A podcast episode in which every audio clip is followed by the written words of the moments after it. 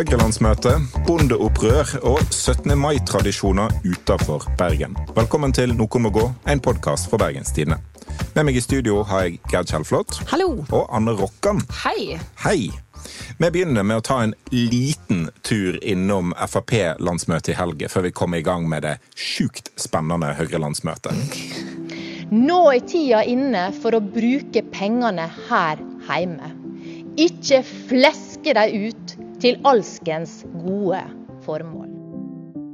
Her hørte vi Sylvi Listhaug, som er nyvalgt Frp-leder. Hva var den bakgrunnsmusikken? Du, Jeg tok eh, lyden fra Frp sin egen oppsummering av talen, sånn at du fikk denne nydelige, flotte pianomusikken bak. Ja, det var stemning. Som satte stemning. Eh, fordi at det, det Sylvi Listhaug sa, ga vel ikke sånn god stemning. Nei, altså, fleske Fleska ut. Hva betyr det? Nei, det, det er vel Hun spiller vel kanskje på Det det, å fleske øse til. ut. Ja, fleske til, øse ut. Ja. Nemlig. Det er helt vanlig uttrykk på Vi skal slutte å bjude på så mange gode, gode formål. ja, vi skal ikke være så snille. Ja, men Ingenting er den idylliske musikken sånn Nå er det slutt på moroa. Nå skal vi slutte med gode formål. Det blir litt sånn en mindfuck. Ja, det var derfor den koselige musikken var veldig bra. Men det var et utrolig kjedelig landsmøte å følge, sånn, bortsett fra at ja, Frp har fått ny leder, og hva betyr det? Men en ting som var litt gøy, var eh, Eh, Er det sånn at du som Carl I. Hagen savner deg sjøl i politikken? Som Nei. tidligere ikke, ikke i det hele tatt. Nei, det- Jeg savner ikke gøyere ikke å være delegat på sånne landsmøte. Nei. Eh, Den politiske debatten, og alle skal liksom skryte av partiet og sånt. Det var Hvis man eh, ikke savner seg sjøl på fysiske landsmøter, har man gjort noe rett eller galt på tidligere landsmøter da? Ja. Eh, Men en ting som var gøy på dette landsmøtet, var at eh, forsamlingen tok et oppgjør med det såkalte krenkehysteriet i Norge, som har gått altfor langt, ifølge Frp. Men det tok under et døgn fra Frp tok avstand fra krenkehysteriet til Kelte Solvik-Olsen stilte opp i debatt på NRK eh, og kritiserte Oslo kommune for å ha putta linse i kjøttkake. Ja, fy flate. 20 Krenkekake. Men altså, i, i den samme kvarteret, politiske kvarteret, så snakker han jo om hvordan vi må slutte med symbolpolitikk i, i klimapolitikken. Ja. Uh, ja.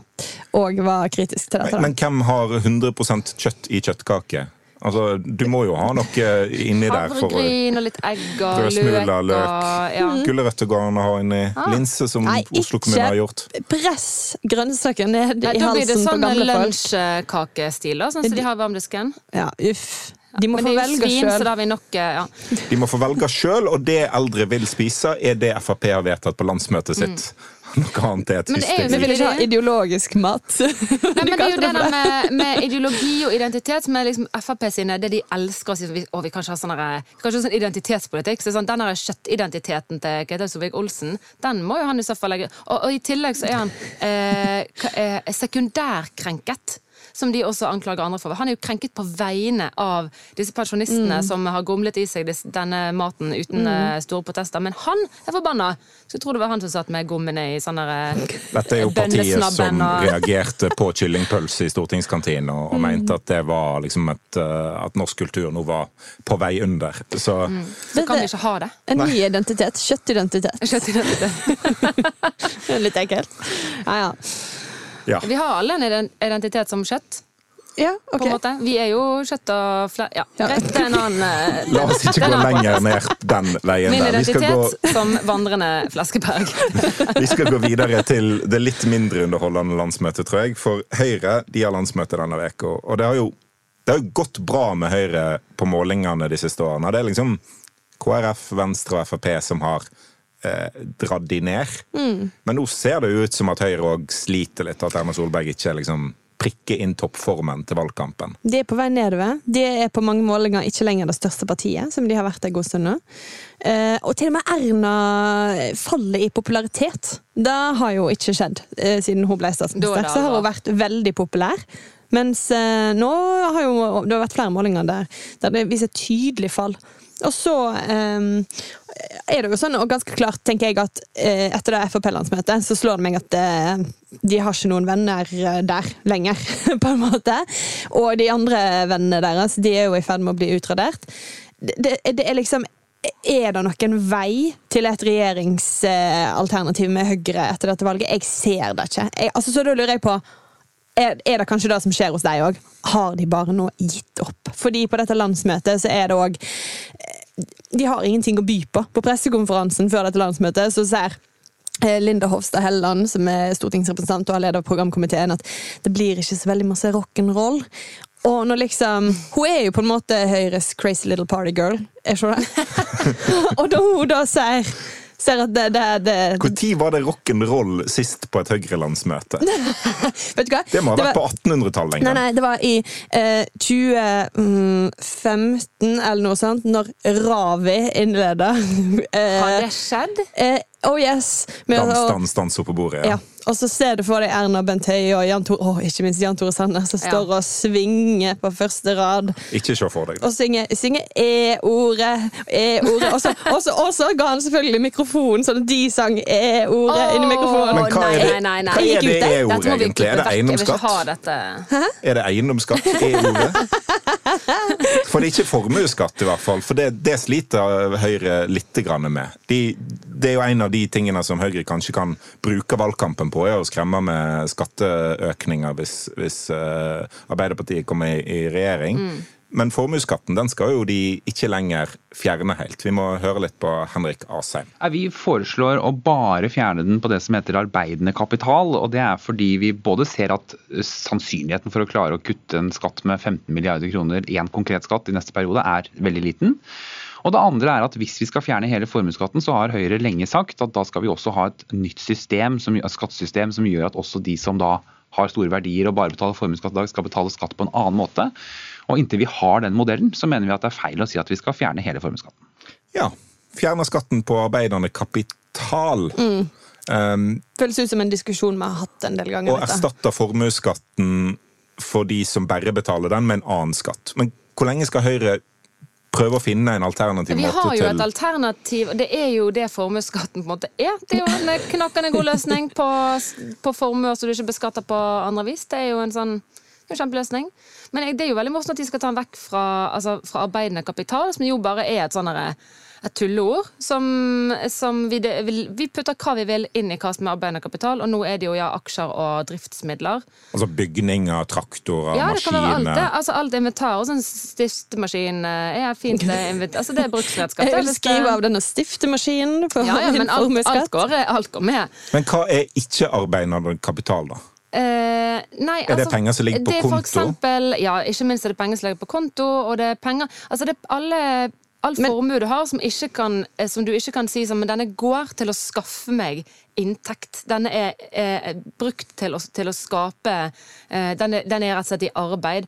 Men så er det jo eh, det de kaller, Når de sier eksempel, er aksjearbeidende kapital, så er jo det en sannhet med mildt sagt modifikasjoner. Eh, For hvis, meg og, hvis vi tre nå setter 2000 kroner hver inn i et globalt indeksfond, som er en ekstremt vanlig og populær spareform, så er det plutselig arbeidende kapital. Ja. Men den bidrar jo med altså, knapt en krone til norske arbeidsplasser. Det er egentlig bare investering i utenlandske bedrifter. bare og det er flesker en- det ut. Vi flesker på med 2000 kroner i fond, og så sier staten Gud bedre, så godt jobbet. Den eh, kapitalen der, den skal vi ha skatterabatt på, for hvis ikke så går ikke dette landet rundt lenger. Eh, og det er jo veldig morsomt. Det som er arbeidende kapital, er jo på en måte folk eh, også. Men den inntektsskatten den skal vi ikke røre. Så det er jo skatt på svette skal vi ha, men eh, ja. Og så er det jo litt, liksom, vi kan jo si altså Penger i banken brukes jo av banken til å Ja, eh, gi ut lån. Ja. til eh, investeringer som faktisk kanskje går til norske til investeringer i norske Bedrifter som tar opp lån Mhm. for så det er jo, Du kan jo vri det til at det er arbeidende kapital. Og Så du er egentlig det eneste som ikke er arbeidende kapital, det er alle de der 100 000 som jeg har stappa i madrassen hjemme? Det er faktisk brukt som eksempel. På, sånn, der, der må du på en måte sette grensen for hva som er arbeidende kapital, for den, bidrar, den ligger bare helt utenfor eh, økonomien vår. Den sirkulerer ikke, den investeres ikke i noen ting, den Ja. handler ingen varer. Eh, som igjen drypper på noen andre. Så altså, den er ikke en del av sirkulasjonen. Da er den ikke lenger arbeidende. Men utover det så kan, er det bare et definisjonsspørsmål, egentlig, hva som er arbeidende En, kapital. en ting som slo meg da jeg fulgte Frp-landsmøtet den helgen, var at de brukte for de òg hadde en skattedebatt om formuesskatten. Der det var en diskusjon skal en kutte formuesskatten eller skal en redusere den og på sikt fjerne den. Fordi Noen argumenterer med at 15 milliarder er en del penger. Det er det Høyre sier. De klarer ikke å se for seg å Så kutte den 15, 15 milliarder er det man får inn i formuesskatt. i året. ja. Men så var det de på Frp-landsmøtet som sa ja, men det er jo bare 15 milliarder i inntekter. Det er det samme som en skal bruke på elektrifisering av sokkelen eller et eller annet sånn engangsinvestering. Ja. Så det er jo kanskje en grunn til at Høyre er litt mer skeptisk til kutt i formuesskatten, for de vet at kutter du en skatt med 15 milliarder, så forblir den kutta i neste år òg. Du kan ikke bare få de pengene tilbake igjen neste år. Det er 15 år milliarder hvert år, ja. Ja. Ja. Ja. det ble litt penger, da. Det blir nok en elektrifisering av sokkelen eh, for det, da. Men det kan jo være smart likevel. Altså, Eh, det, er jo, det er jo ikke sånn at liksom, alle inntekter som staten får tak i, er av det gode. Eh, Det er jo, det er jo ikke liksom Formuesskatten og argumentet mot formuesskatten er jo at en bedrift som går med tap, må fortsatt betale en formuesskatt på uh, beholdningen de har av varer. Altså kjetting-Jan, som vi har vært skulle, innom jeg satt akkurat tidligere. og tenkte på Ja. Hvis han ikke får uh, leid ut uh, sine kjettinger til, eh, til folk som driver på ute i Nordsjøen, eh, så går han med tap. Eh, men han har store verdier liggende i kjetting på plassen sin. Det var derfor han prøvde å betale formuesskatten sin med kjetting. Ja. Det prøvde han Men det gir jo, og det er her eh, som en som er for formuesskatten, eh, hvis ikke det er dryppet gjennom, så eh, her forstår, dette forstår jeg kjempegodt. Dette, det er mange reelle caser da, der, der folk virkelig virkelig sliter med å få betalt formuesskatten, for den er veldig bundet opp. Men det som viser seg, er jo at det er bare eh, 10% av formuene i Norge er eh, driftsmidler, som f.eks. kjettingene sine kjettinger og hoteller og sånne ting. 90% av de er aksjer. Eh, og hele konseptet med aksjer er jo at de er designet for å være lett omsettbare. Eh, sånn at eh, det å si sånn jeg har ikke midler til å betale formuesskatten min, for jeg har de bundet opp i aksjer, det er veldig selvmotsigende. Men da må du jo realisere Da må du realisere den litt, ja. og betale skatt Hvis ikke, på ja, Med mindre de aksjene du sitter på, som kan være eh, altså det kan være aksje, altså Et lite familiefirma kan jo også være et aksjeselskap, og vil jo da telle som aksjer. Det er ikke alt som er indeksfond, altså. Men likevel, hvis ikke du får den bedriften over flere år til å være såpass lønnsom at du kan ta ut utbytte nok til å betale formuesskatten som faller på deg som person, så er jo det kanskje også Eh, altså For oss andre så er, er, må vi på en måte ha inntekt til å betale utgiftene våre, og det kan være et signal på at det kanskje ikke er liv laga for denne bedriften. Ja. Og det er nådeløst, men, eh, men eh, sant, på en måte. Og her står litt Nå er vi nede på ideologien i det. Sånn skal det være, sånn eller ikke. Men Men, men all den her, nå har vi diskutert liksom, eh, Plutselig endte vi opp i en sånn er vi for eller mot formuesskatt her. Men, men, eh, men eh, kommer dette liksom til å tenne oss, skulle jeg si? Altså, jeg skal Høyre virkelig gå til valg og tenke at dette er liksom det de skal skaffe velgere på? Gjør jo ikke det. Nei, jeg er lei allerede, jeg, altså. Ikke etter åtte år, eh, som eh, Høyre likte å si om, om den er- regjeringen. At de har ikke klart å fjerne formuesskatten ennå. Høyre erkjenner jo det og sier at nei, vi klarer ikke det de neste fire årene heller. Det skaper jo null entusiasme for folk som vil fjerne formuesskatten, og det skaper jo null entusiasme for folk som ikke vil fjerne ja, men de vil jo fortsatt fjerne den på formuesskatten. arbeidende kapital. Den hadde jo satt ned ganske kraftig. Ja da. eh, Men, Ganske vesentlig. men, det, her- det, men det skjer jo ikke, liksom. Altså, det er vanskelig. Men alt i alt, da, eh, det, det føles liksom som om dette er et parti som har gitt opp. Ja, altså, Det er jo kanskje mer at de andre tre partiene som, som uh, Høyre skal samarbeide med, de, de ser ut til å ha gitt opp regjeringsprosjektet uh, ja. for lengst, i hvert fall sett etter valget. Uh, både oppslutningsmessig og Frp som sier at de ikke eh, har noe i denne regjeringen å, å gjøre. Høyre er nok eh, veldig lysten på å fortsette i regjering, men de har ikke veldig mange nye ideer og bedre løsninger. Nei, det. Eh, akkurat nå som var valgkampslagordet deres vel i, i 2013. 2013. Men, men en annen sånn skatt eller avgift som det kan bli, bli krangel om eh, etter valget, og som kanskje blir en valgkampsak, arveavgiften. Eh, der er nok Høyre mer samla på at den, eh, den skal forbli fjerna, for den klarte jo faktisk en å fjerne så godt som. Eh, men der har du noen sånne gode tips eh, til folk, da. Ja, fordi- eh, vår, Ja, vår nesten ferdig utdanna husøkonom. altså, det ja. Eh, det er vel um, først, altså SV har gått inn for at nå skal vi ha uh, ny arveavgift. Og de har vel Før var den ganske lav, det bunnfradraget. Uh, sånn at uh, hadde du verdier på et par millioner, så endte du fort opp i å måtte betale en 6 eh, skatt var det vel på verdier som overstiger det. Og det endte opp med at en del vanlige folk, sånn hus- og hytteeiere, måtte skatte. og dette var jo eh, veldig sånn godt argument for at hvorfor det er urettferdig. Liksom en irriterende Skatt på død, som det ble kalt. ja, men sånn, Det er en irriterende skatt som kan være veldig kjip for folk som ikke får beholdt familiehytten. Og sånn, og så er det samtidig var det en veldig lite lønnsom skatt for staten. Det kostet egentlig mer å inndra skatten enn du fikk inn av skatt. Så nå har SV mm, tatt noen grep da, endret dette. De vil ha et mye høyere bunnfradrag. mildt sagt. De vil ha et bunnfradrag på 100 millioner. Ok, Så hvis du arver ei hytte som er verdt to millioner, så er den, skal den, Den, fortsatt være eh, arveavgiftfri? Absolutt. Ingen Men skatt hvis på du død. arver, og du kan, altså Et bunnfradrag fungerer som du kan arve opp til og med 100 millioner. Nå, nå tar vi litt for gitt at det er liksom SV sitt som går gjennom, da. Hvis vi setter det som er sånn, siden de har en konkret idé. Det hørtes veldig lite radikalt ut. Eh, ja, altså, men over For alt Altså, du får arve de første 100 millionene gratis, og alt over det skattet med 70% så der er det ganske intenst. ja, okay. Oi! Ja, ok. så, så du får på en måte ok, 100 millioner gratis. Etter det så begynner vi å snakke. Jeg skjønner. Eh, Men jeg synes jo det er altså for folk fle- Jeg vet ikke, er det noen av dere som vil kjenne det veldig eh, Altså at den 101. millionen Hva heter det? 101. millionen dere arver, da. Så, eh, så sitter de bare igjen med 300 000 av sant? det. Vil det, er det noen av dere som vil rammes av det? Jeg tror folk flest vil jo ikke Det er veldig kjedelig, det. Ikke litt av problemet med arveavgiften at det er veldig lett å planlegge seg rundt den? Jo da, altså, alle vet jo at de skal dø på et eller annet tidspunkt, så det er sånn Det er veldig sånn sikkert at dette må du forberede deg på rent Ja. skattemessig. Sant? Og folk som har, er liksom, står i den forferdelige fare å måtte arve over 100 millioner ned til sine barn, de har ofte en viss eh, tilgang på kapitalrådgivning og jurister og sånn, sånn at det er jo veldig, veldig mange veier til å eh, planlegge seg ut av dette her. Ikke er det derfor eh, mange rikinger oppretter stiftelser og sånt som de pøser en del penger inn i? For å Jo, og så kan du jo overføre. Det er jo sånn Norges eh, rikeste gjennom en del år, Gustav Witzøe.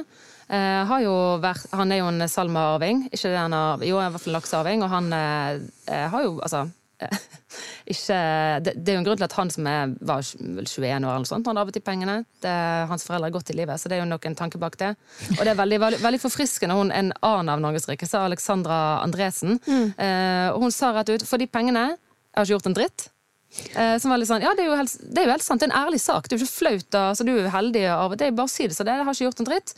Eh, men med det i bunn, så er det også litt sånn, ja, men da kan du jo skal, kan jo dryppe litt eh, når du arver et par eh, milliarder, så eh, kan du dryppe litt ned på fellesskapet også. 70%. Men det er ja, 70 av over 100 millioner vil ha mye å si for en del av de aller rikeste land. Det er ikke til å skimse av. Men ja, jeg har i hvert fall sett på sånn hva Fordi det du tenker nå er at Hvis de rød-grønne kommer til makta, så blir det arveavgift igjen. Nei, Det er jo litt usikkert. Ap valgte ikke å gå inn for uh, arveavgift, men det er jo klart at dette er jo Uh, i ja. forhandlinger. Ja, men det, om det blir 70 Ja, det høres kanskje ikke veldig sannsynlig eh, ut. Kanskje ikke sannsynlig, og hvor det er bunnfradrag. Så må, så må man jo avveie. Okay, Hvis du skal ha bunnfradrag på 100 millioner men en ganske lav sats, hvor mye penger får du egentlig inn i statskassen, og blir det til slutt verdt det? Mm. Så her, er- ja, her kan vel eh, mye skje. Men folk er jo bekymret, da. Eh, og da tenkte jeg å komme med et par tips. Eh, For en av de letteste måtene å ikke altså få det til å bli skattefritt å arve på, er jo rett og slett bare eh, prøve å ikke ha mer enn 100 millioner i formue. Det er et av de enkleste Det er grepene ditt du kan første gjøre. tips. Det er mitt første tips. Eh, Det tror jeg skal klare ganske fint. Ja, hvis du klarer det, så gir du den Hvis du bare klarer å unngå å ha mer enn 100 millioner eh, i, eh, i arv til barna dine, Mm. så får de gleden av at det er eh, skattefritt. Ja. Så det vil absolutt være verdt det. I motsetning til å arve gi de en milliard, så må du skatte og ende opp med mye mer, selvfølgelig. Ja, men da blir de uansett skattet, og det i seg sjøl er jo et helvete. Da er det nesten like greit å ikke arve noe i det hele tatt. Ja, så jo fattigere sånn sett Nei, sant? Altså, prøv, å- hvis alle kan prøve å holde seg under 100 millioner av grensen. Og det andre tenker er jo at hvis du, hvis du ikke vil ta sånn forhåndsgrep og eh, og eh, liksom eh, skape, statsstiftelser og overføre penger og sånn, så kan du bare tenke at hvis du tror at du er nært på å dø, så kan det være greit å få det gjort i år.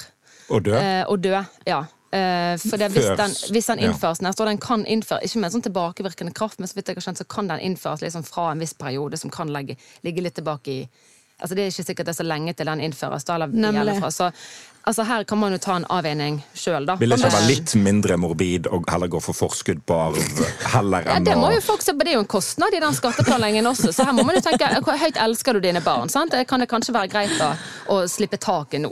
Eh, men så, nettopp, sant? hvis du ikke elsker dine barn eh, så voldsomt høyt, sant? Eh, og du er litt, har lyst til å provosere litt, så må du bite deg fast. Hvis du da kjenner også at du er litt sånn skal man stryke med liksom i året neste år? Hold deg fast, vent til neste år. Det blir forbanna irriterende for dem. 70 er valgt over 100 millioner. Det er jo bra for alle vestlendinger egentlig å bare gå ut av verden med litt sånn spit.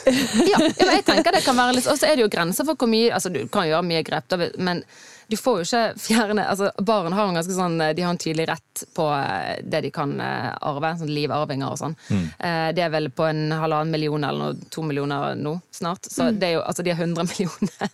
Du har ikke krav på alle de, men ja, det kan være greit for en vestlending å bare være han litt irriterende som bet, eh, bet seg fast litt for lenge. Ja. Men så er det jo sånn, hvis du f.eks. har en fritidseiendom til eh, 300-400 millioner, så eh, kan man jo overføre den til sine barn, men med en viss sånn bruksrett. På et par uker for eksempel, i året, og da er det jo ingenting som er så herlig for en litt sånn bitter svigerdatter å så overføre bruksretten på et sånn par uker i november på denne sørlandshytten. Eh, Så det ligger veldig mye god skatteplan, mye gode skatteplanleggingsmuligheter, spesielt for liksom oss eh, litt sånn eh, forargede vestlendinger. For det oss litt rike, forargede vestlendinger. ja, altså For oss med et par hundre millioner i, globale indeksfond, så er det greit med litt skattelette på formuen. Og så er det greit å planlegge egen Det må ha vært en bra verdistigning på de 2000 kronene du snakket om. Eh. uh... Den har, det har kastet av seg, ja. ja, ja Stått der i to måneder nå. Så det. Men dere kan kanskje le av, eh, av eh, det der med å dø litt, sånn, litt fortere og litt senere og sånn. Eh, Men eh, seriøs forskning fra USA fant at de kunne se en signifikant eh, endring på hvor lenge folk døde, eller hvor lenge folk levde, og når de døde i forhold til sykdomsbildet og sånn, etter hvordan skattepolitikken endret seg. Dette er, ja, det heter uh, 'dying to' uh, Hva heter det? 'Dying to um, et eller annet Texas'. Altså 'dying to slippe tak uh, tax'. Bra engelsk. Ja, Dying to slippe tax. Jeg sitter og leser litt for mye engelsk og norsk forskning, så nå har jeg bare begynt med sånn hybrid. Ja. Men det er viktig å gjøre seg forstått. Så det er bare Det er litt sånn at du biter deg litt fast hvis du vet at du kan slippe skatt Ja. med å leve til over nyttår, Ja, eller for de vice fant faktisk versa. først og fremst at folk levde lenger eh, enn, de, enn prognosen skulle tilsi hvis de kunne vinne skatt på det. Ikke sant. Så viljen eh, er i folket til å, til å dø for å slippe tak, eh, taxi. så det Vær så god. Motivasjon! Det skal Ja, du ikke det er noe å tenke på. Det er jo gøy fun fact, da. Ja. Men jeg tror vi Eh. skal videre til en bransje der eh, 100 millioners uh, summer òg blir karakterisert som litt for små. Ja, la oss gjøre det. Eh, jeg tenkte jeg skulle introdusere dette på denne måten. At nå skal vi snakke litt drit. Bokstavelig talt. Oh. Dere kommer snart eh, til å alle sammen skjønne den pappavitsen.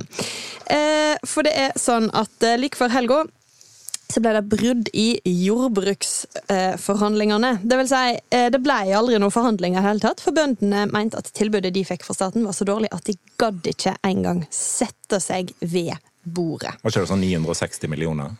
Eh, jo, det stemmer. Det var nesten en På toppen av sånn 13-14 milliarder fra før? Ja vel, her er det noen som har, er forutinntatt og har meninger, men vi må vente litt med de, Morten. Bønder de kan ikke streike når det blir brudd i forhandlinger. fordi det er klart at eh, det er en del dyr som har lite forståelse for det der med at de ikke får mat på to uker. Eh, så i stedet for så aksjonerer de, og det er veldig bra. Og når bønder får et dritdårlig tilbud fra staten, hva gjør de da?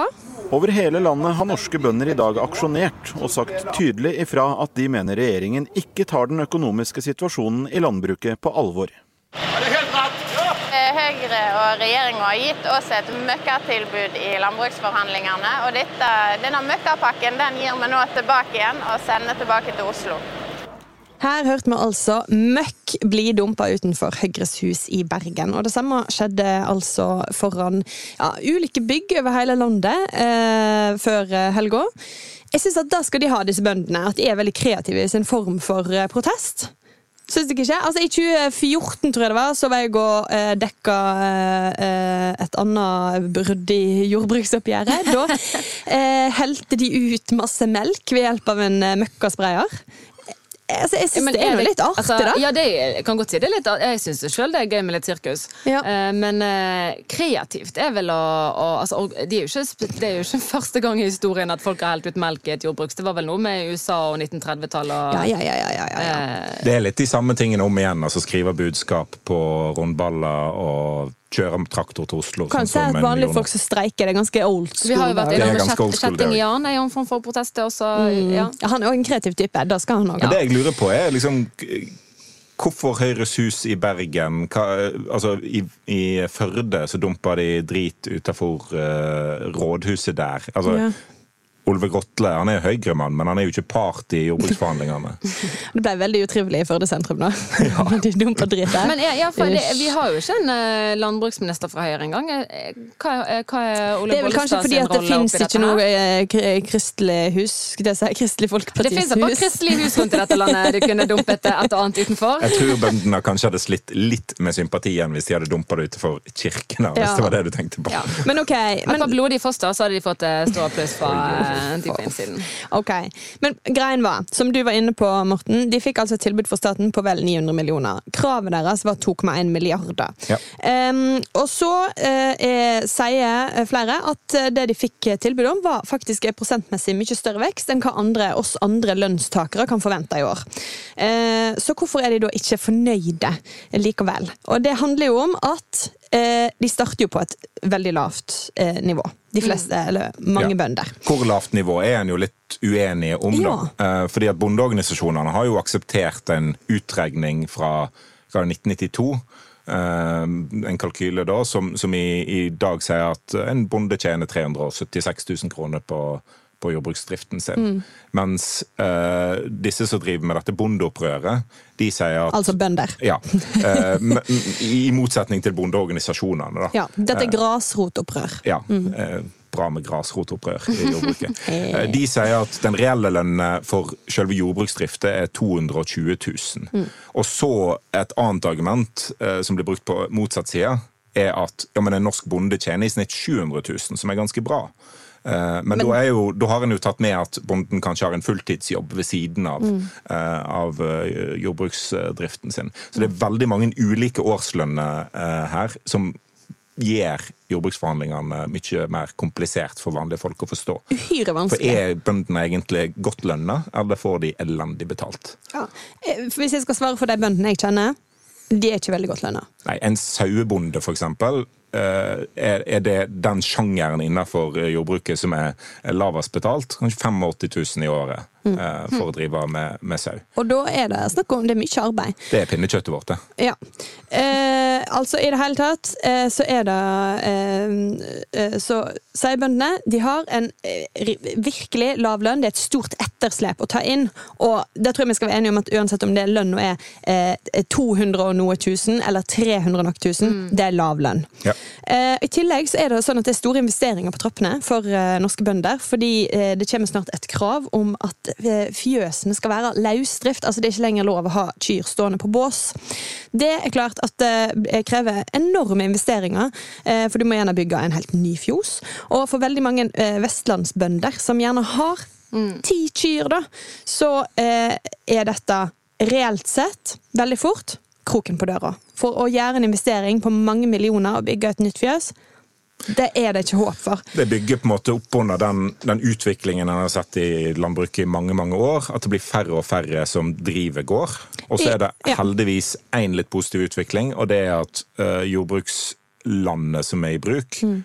altså det går ned med lavere takt enn uh, nedgangen i antall bønder Altså- skulle tilsi. Når et, eh, en gard blir lagt ned, som det blir 500 av i året, uh, så blir jorda uh, kjøpt opp av noen andre, og de driver Eller i hvert fall drevet av noen Ja. andre, i, i mange tilfeller. Og så er det jo selvfølgelig en del gårder som, som gror igjen. Altså, jeg kjenner at jeg har eh, veldig stor forståelse for at bøndene aksjonerer. Og at de, ja, at de eh, dumper møkk hvis det er det de må gjøre. Eh, men jeg lurer på om de er veldig lite taktiske. For det her med å ikke sette seg ved bordet i det hele tatt i forhandlinger. Det som skjer da, er at jordbruksoppgjøret går- til Stortinget. Og eh, vi har jo en mindretallsregjering eh, i, for tida. De må altså finne seg et parti å forhandle med. Det er fort Frp. Frp de har allerede sagt at de ikke er interessert i å gi bøndene mer. De syns at de har fått et godt nok oppgjør. De vil ikke flaske til. De vil ikke flaske. De vil ikke fleske ut penger til noen bønder. Men fins det ikke ett annet parti vi kan tenke oss som kunne vært mer interessert i å flaske til til bøndene? Hvorfor Jo, men- vil ikke Senterpartiet snakke om dette? Jo, men det vil de sikkert, men Hvorfor skulle regjeringen gå til de hvis de kan få et flertall med Frp? Men hvis Som- de ikke får det, da? Ja, men Det er òg litt vanskelig å se for seg at Senterpartiet skal bli enig med Høyre om landbrukspolitikk i et valgår. Det kan kanskje Ja, dempe litt Ganske usannsynlig. For det poenget mitt er regjeringen har gitt et tilbud. Det vil si at De vil jo antageligvis gi 900 og noe millioner til bøndene. Det er det det de ønsker å gi. Det må vi gå ut ifra. Ja, altså minimum, da, egentlig. ja, de, Eh, de, de må jo ha vært forberedt på at det tallet skulle stige litt i Ja. Ja, da, til det har de sikkert, men, nå, men nå, har du, nå har du altså en partner du kan forhandle med, som antageligvis vil si Enten nei, det er altfor masse, vi må forhandle det ned. ok, Det kan bli et problem.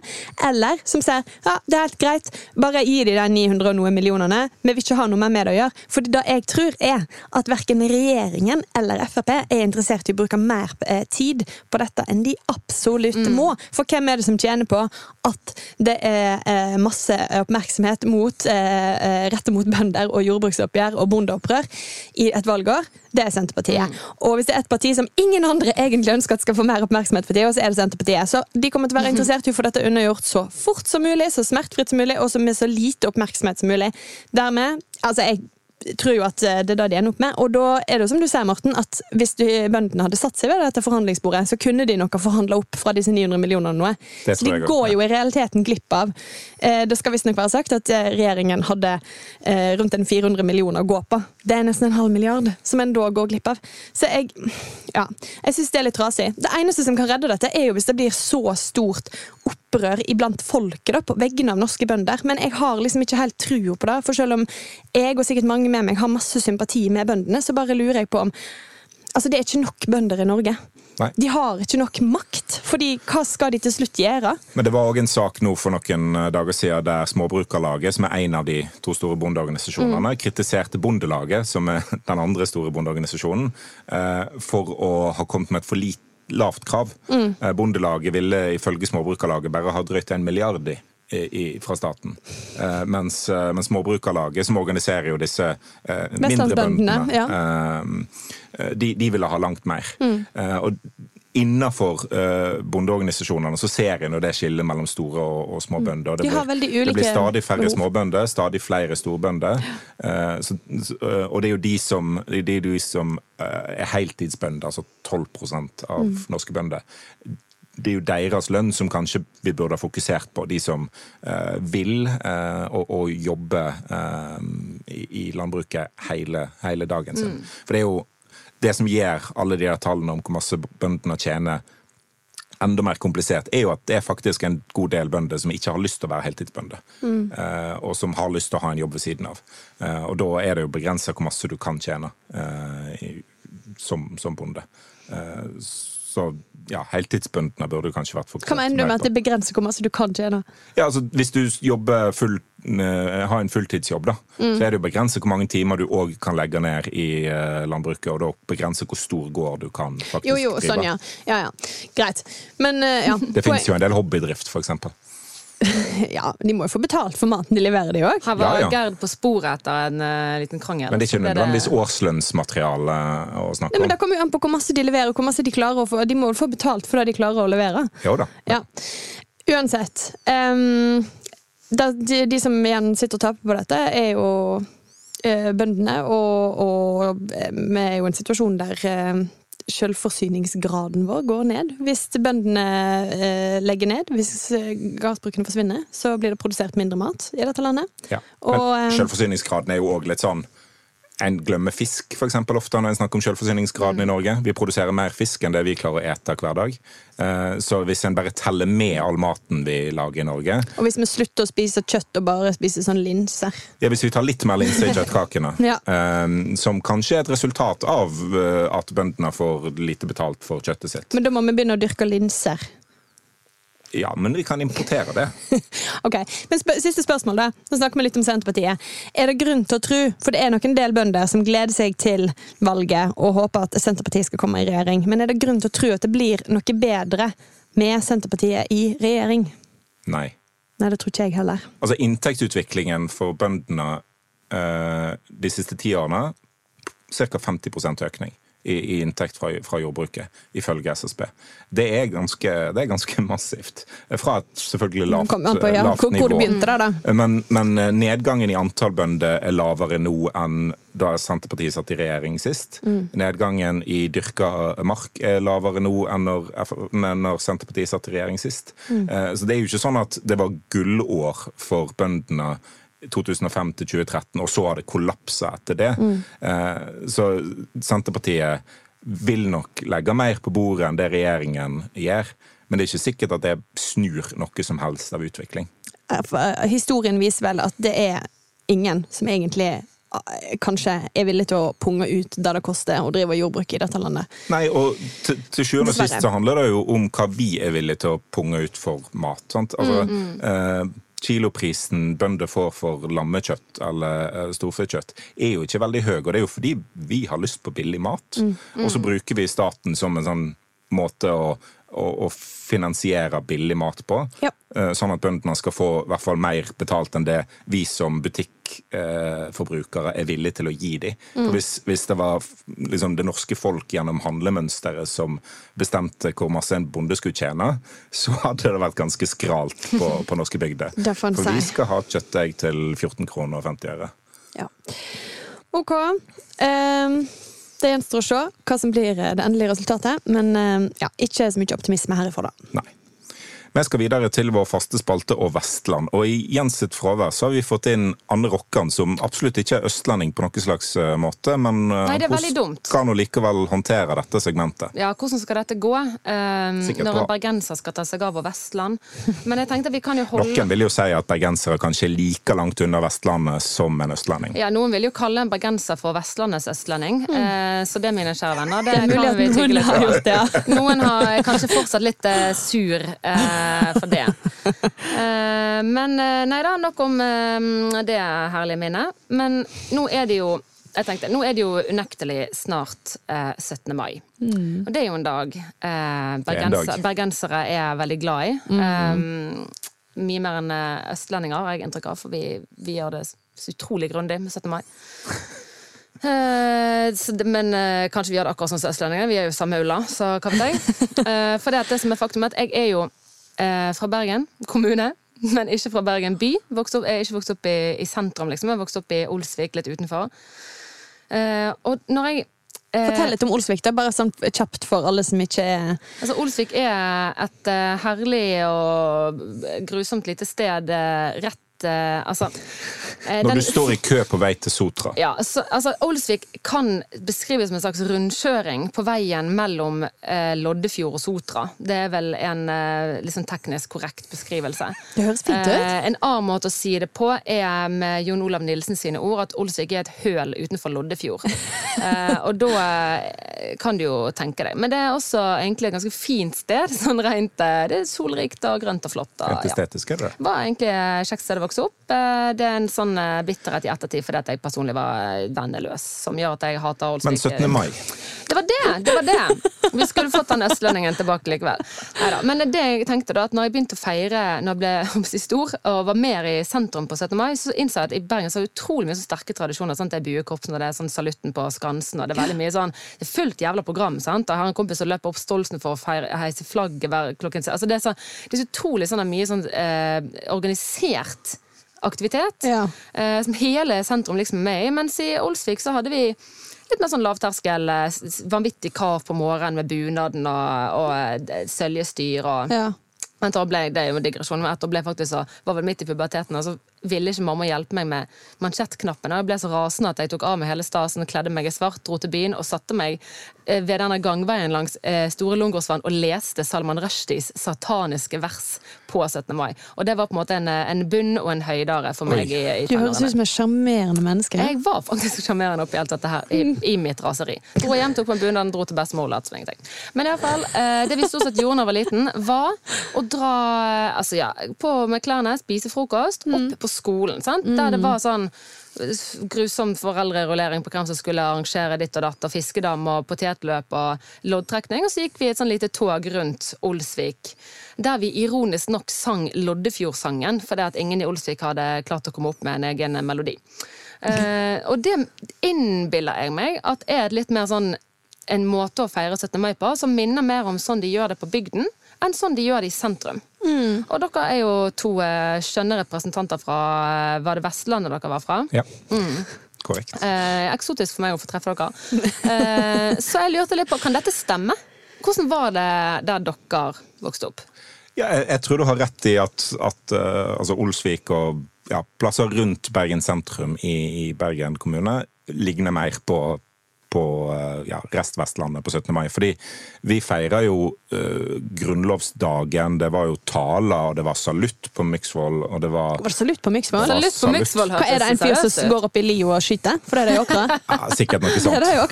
Eh, Men det, det er liksom Det er jo tale, og det er det er, det er jo et opplegg, på en måte, men en feirer Barnas dag, en feirer nasjonaldagen, mens i Bergen så feirer en jo Bergen. Og så er det litt grann sånn nasjonaldagsgreie sånn innimellom. Mm. Eh, så der tror jeg det, det ligner veldig eh, at det er et opplegg på den lokale skolen eller barnehagen. Men Fortell litt mer om Myksvold. da. Hva gjorde dere? Nei, vi hadde, vi hadde liksom ulike aktiviteter for, eh, for barn. Altså, skolen? Luftgeværskyting. Luftgeværskyting? ja, det var barnehage slash grendehus. eh. Det var Dere skjøt med luftgevær på barnehagen?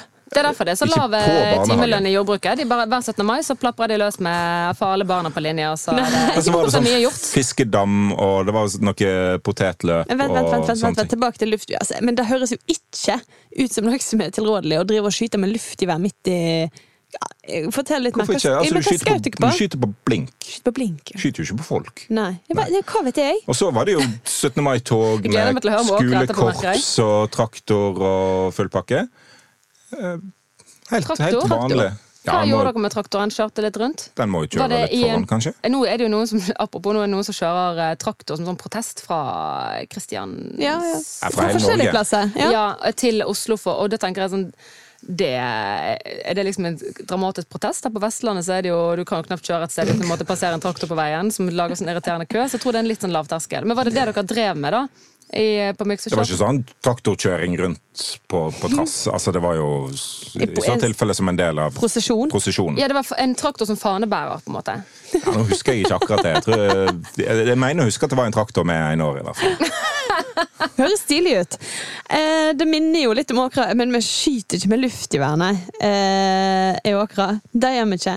Men i Åkra så forhandler Altså, det er jo samme, sant. Vi er eh, på skolen, ja, og så går vi i tog bort til bautaen og legger ned krans og ja, greier.